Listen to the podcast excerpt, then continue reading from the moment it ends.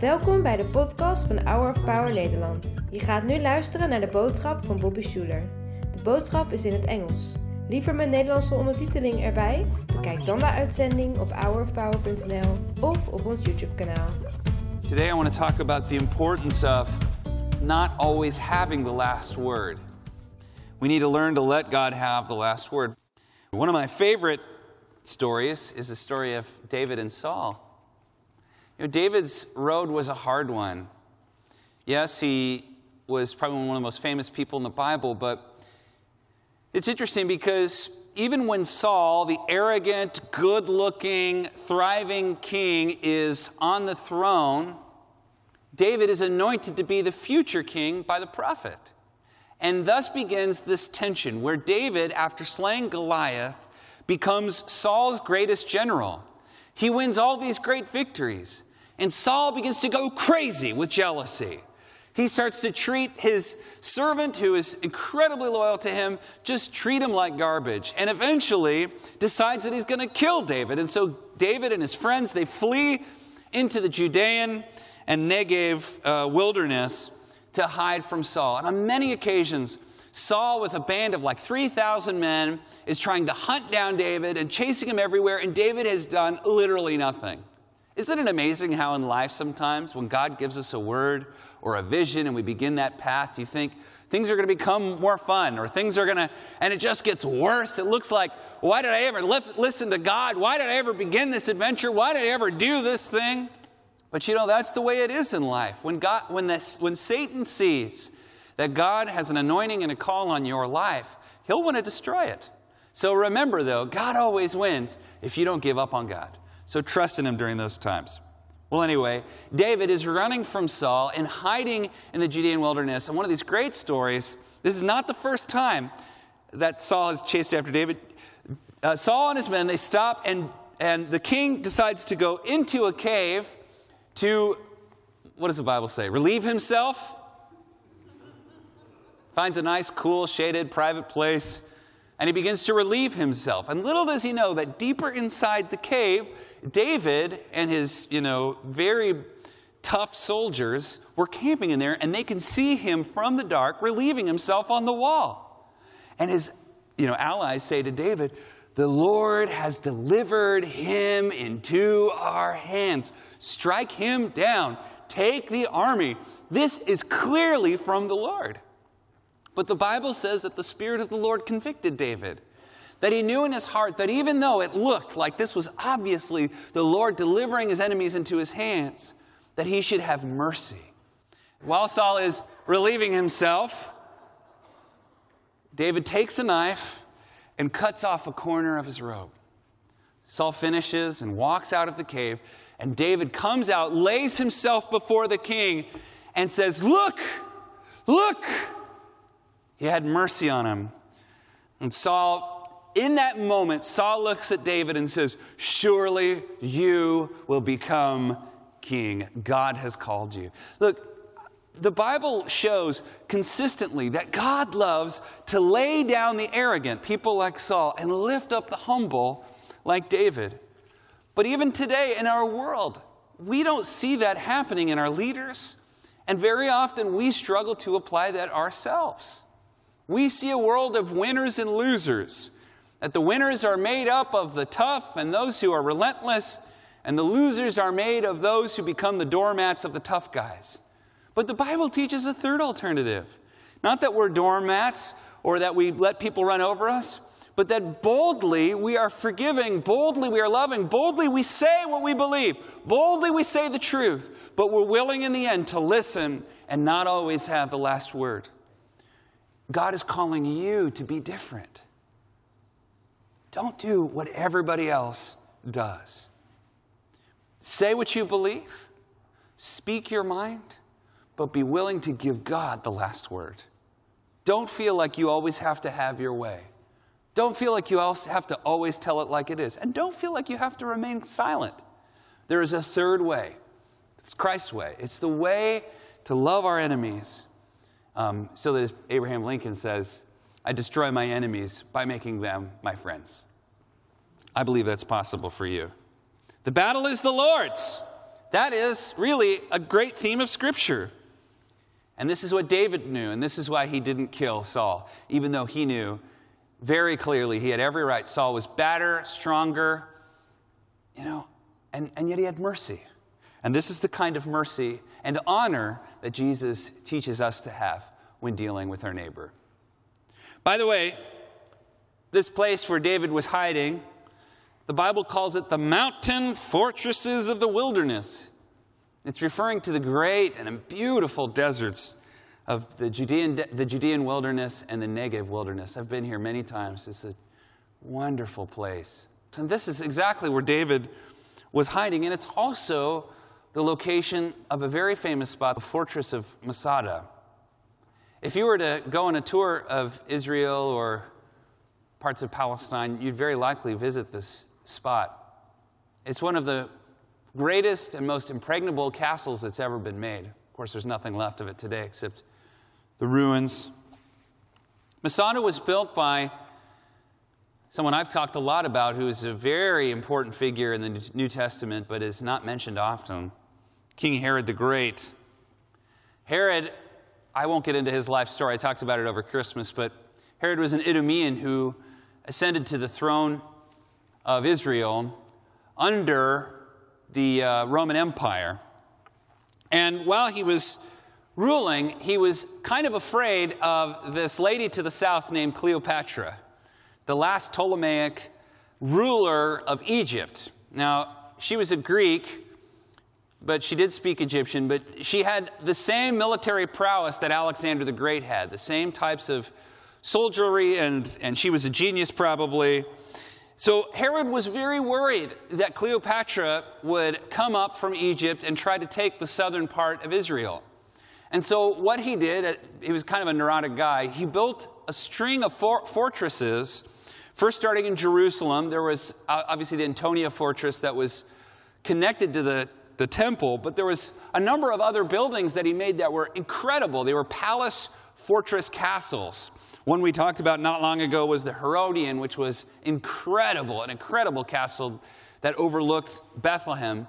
But this was, if we can bring it up just one more time, this was actually, do you have the artist rendering? Um, here's a rendering of what it would have looked like a three tiered palace that was also an incredible castle.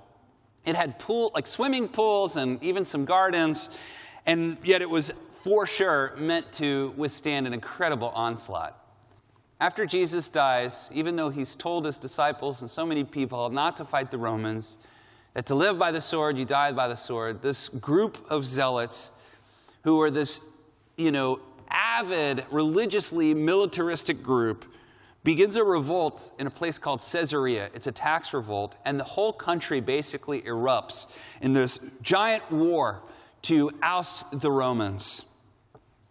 While they're in Jerusalem, these, uh, or while they're in Caesarea, this thing erupts, and the Romans, of course, come south and they fight against the Jews, and there are many different fights that go on. The Jews get some victories, but of course, famously, Jerusalem is taken by the Romans and almost everyone, uh, there's another contemporary who, this number is probably not true, said a million people died when Jerusalem was taken. The temple was ransacked, all of the holy stuff was taken uh, to Rome. You can actually see near the Colosseum, there's an Arc de Triomphe that has all of the stuff that was taken from the temple. And, and this is like one of the worst moments in Jewish history.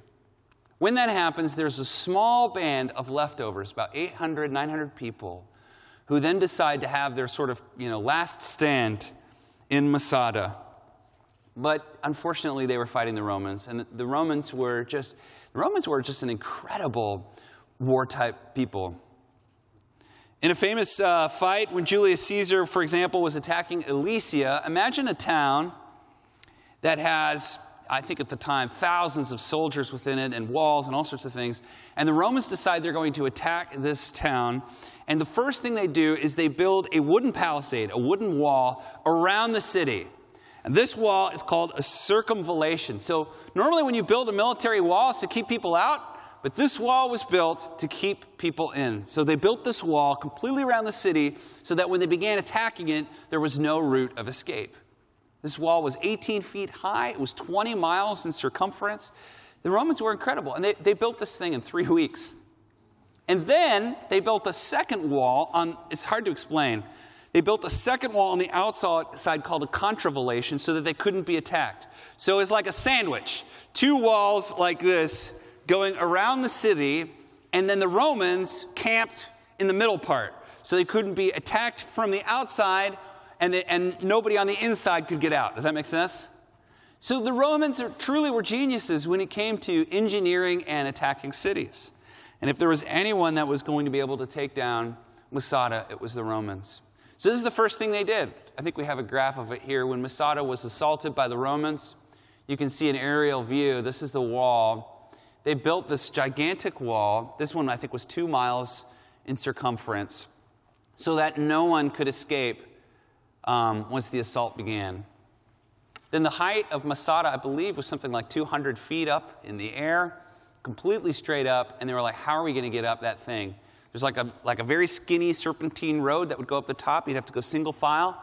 And so what they began to do, it's actually still there, is they began constructing this ramp right here.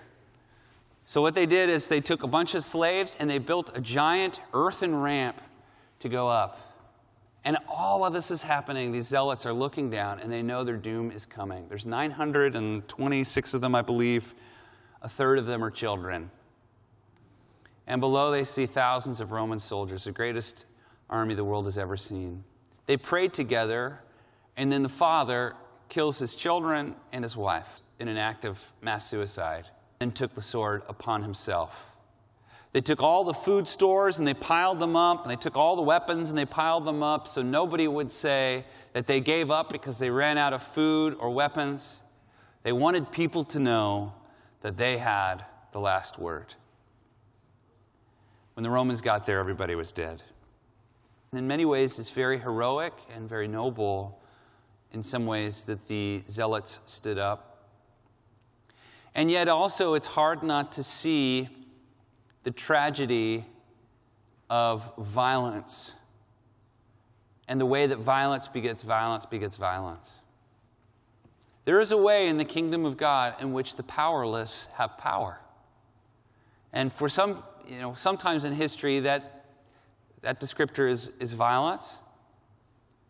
For us, it's not. For us, the way that we have power is by saying what is true, but doing so with kindness in our hearts. Saying what is true, but not with arrogance, but, but humility. And most of all, not being the kind of people that always have to have the last word. The lesson we learned from Masada was that none of that had to happen. And that's what I believe, although you never want to speak ill of the dead. You love their heart for God, you love their passion, and yet you think, did it all have to happen that way? In the end, we are people who love our enemies, and we are people who let God have the last word. Amen? One of the best analogies I like that was taught from ancient rabbinic Judaism had to do with the two great seas in Israel. You know, if you go to Israel today, you will see two massive bodies of water. And of course, in the Middle East and in any desert culture, water is extremely important. It's important everywhere. But in the desert, it's very, very important. The Sea of Galilee, I still remember the very first time I was 18 years old when I woke up early in the morning and saw the sun rising above the Sea of Galilee. This is it behind me here. I remember just thinking all of the history that was there. That's the place where Christ and his disciples were, among many other stories and history, and how important this body of water was to sustain a huge body of fresh water in the middle of the desert. And even today, when you go there, it's incredibly important. There's farms and people and towns all around, and it, it just feels like a lovely place. Well, the Dead Sea, you know, has a river running into it and a river running out of it. It's called the Jordan. And there's something about the water going in and the water going out that keeps the water in the middle fresh. There's another body of water called the Dead Sea, and it's aptly named, much larger than the Sea of Galilee, at one of the lowest points, maybe the lowest point in the world. I don't, I don't know. I, I knew once. But of course, if you were in the desert and from the distance you saw the Dead Sea, you'd think, hooray, there's some water. But if you go in the Dead Sea, it's far more salty than the ocean. Nothing can really live in it. You can float in it, and it's good for your skin. I know I've got, we've got a bag of dead sea salts in our bath at home, but that's about all it's good for. And what the rabbis used to teach was that the Sea of Galilee had water flowing in and water flowing out. But the Dead Sea only had water flowing in. The rabbis taught that if all we do is sit around and spend our time learning and listening, but never applying the knowledge, we become dead on the inside. We become an illusion. We look like something that could nourish. We look grand. We look like something that people need. But what they'll find within is only death. Of course, the opposite is true. If nothing is flowing in, but only water is flowing out, if you've ever been in ministry, you know that, that leads to the opposite problem a wadi, a dry, dead riverbed. And that, neither of those visions is what God wants for us. God wants for us the Sea of Galilee. That we, we gather in a place like church, or we listen to podcasts, or we do the things, we take love into our life, and, and that, that, you know, we fill up on the inside, but then we also have a way in which we show and practice that knowledge. This can be true with knowledge, this can be true of love. And so, very often when we talk about having the last word, forgiving our neighbor, we forget that there also has to be this other aspect of our spiritual formation where we're receiving life from the Lord and love from the Lord, or love from the people in our lives that matter. And I don't know about you, but I have found that if I really focus on my prayer life and I focus on going deep with the people I love, it also becomes much easier to forgive the guy that cut me off on the 5 freeway. It becomes a lot easier to not reply on Twitter. And it becomes a lot easier even at home when I'm closer in, a, in an intimate way with my friends and family, you know, in a way in which we're, we're deep and, and, and love each other and vulnerable to one another. It becomes easier to forgive those people. And that's what the Lord wants from us. Amen. Bedankt voor het luisteren naar de podcast van deze week. We hopen dat deze boodschap jou heeft bemoedigd. Wil je meer weten over Hour of Power of dagelijkse bemoedigingen ontvangen? Ga dan naar www.hourofpower.nl.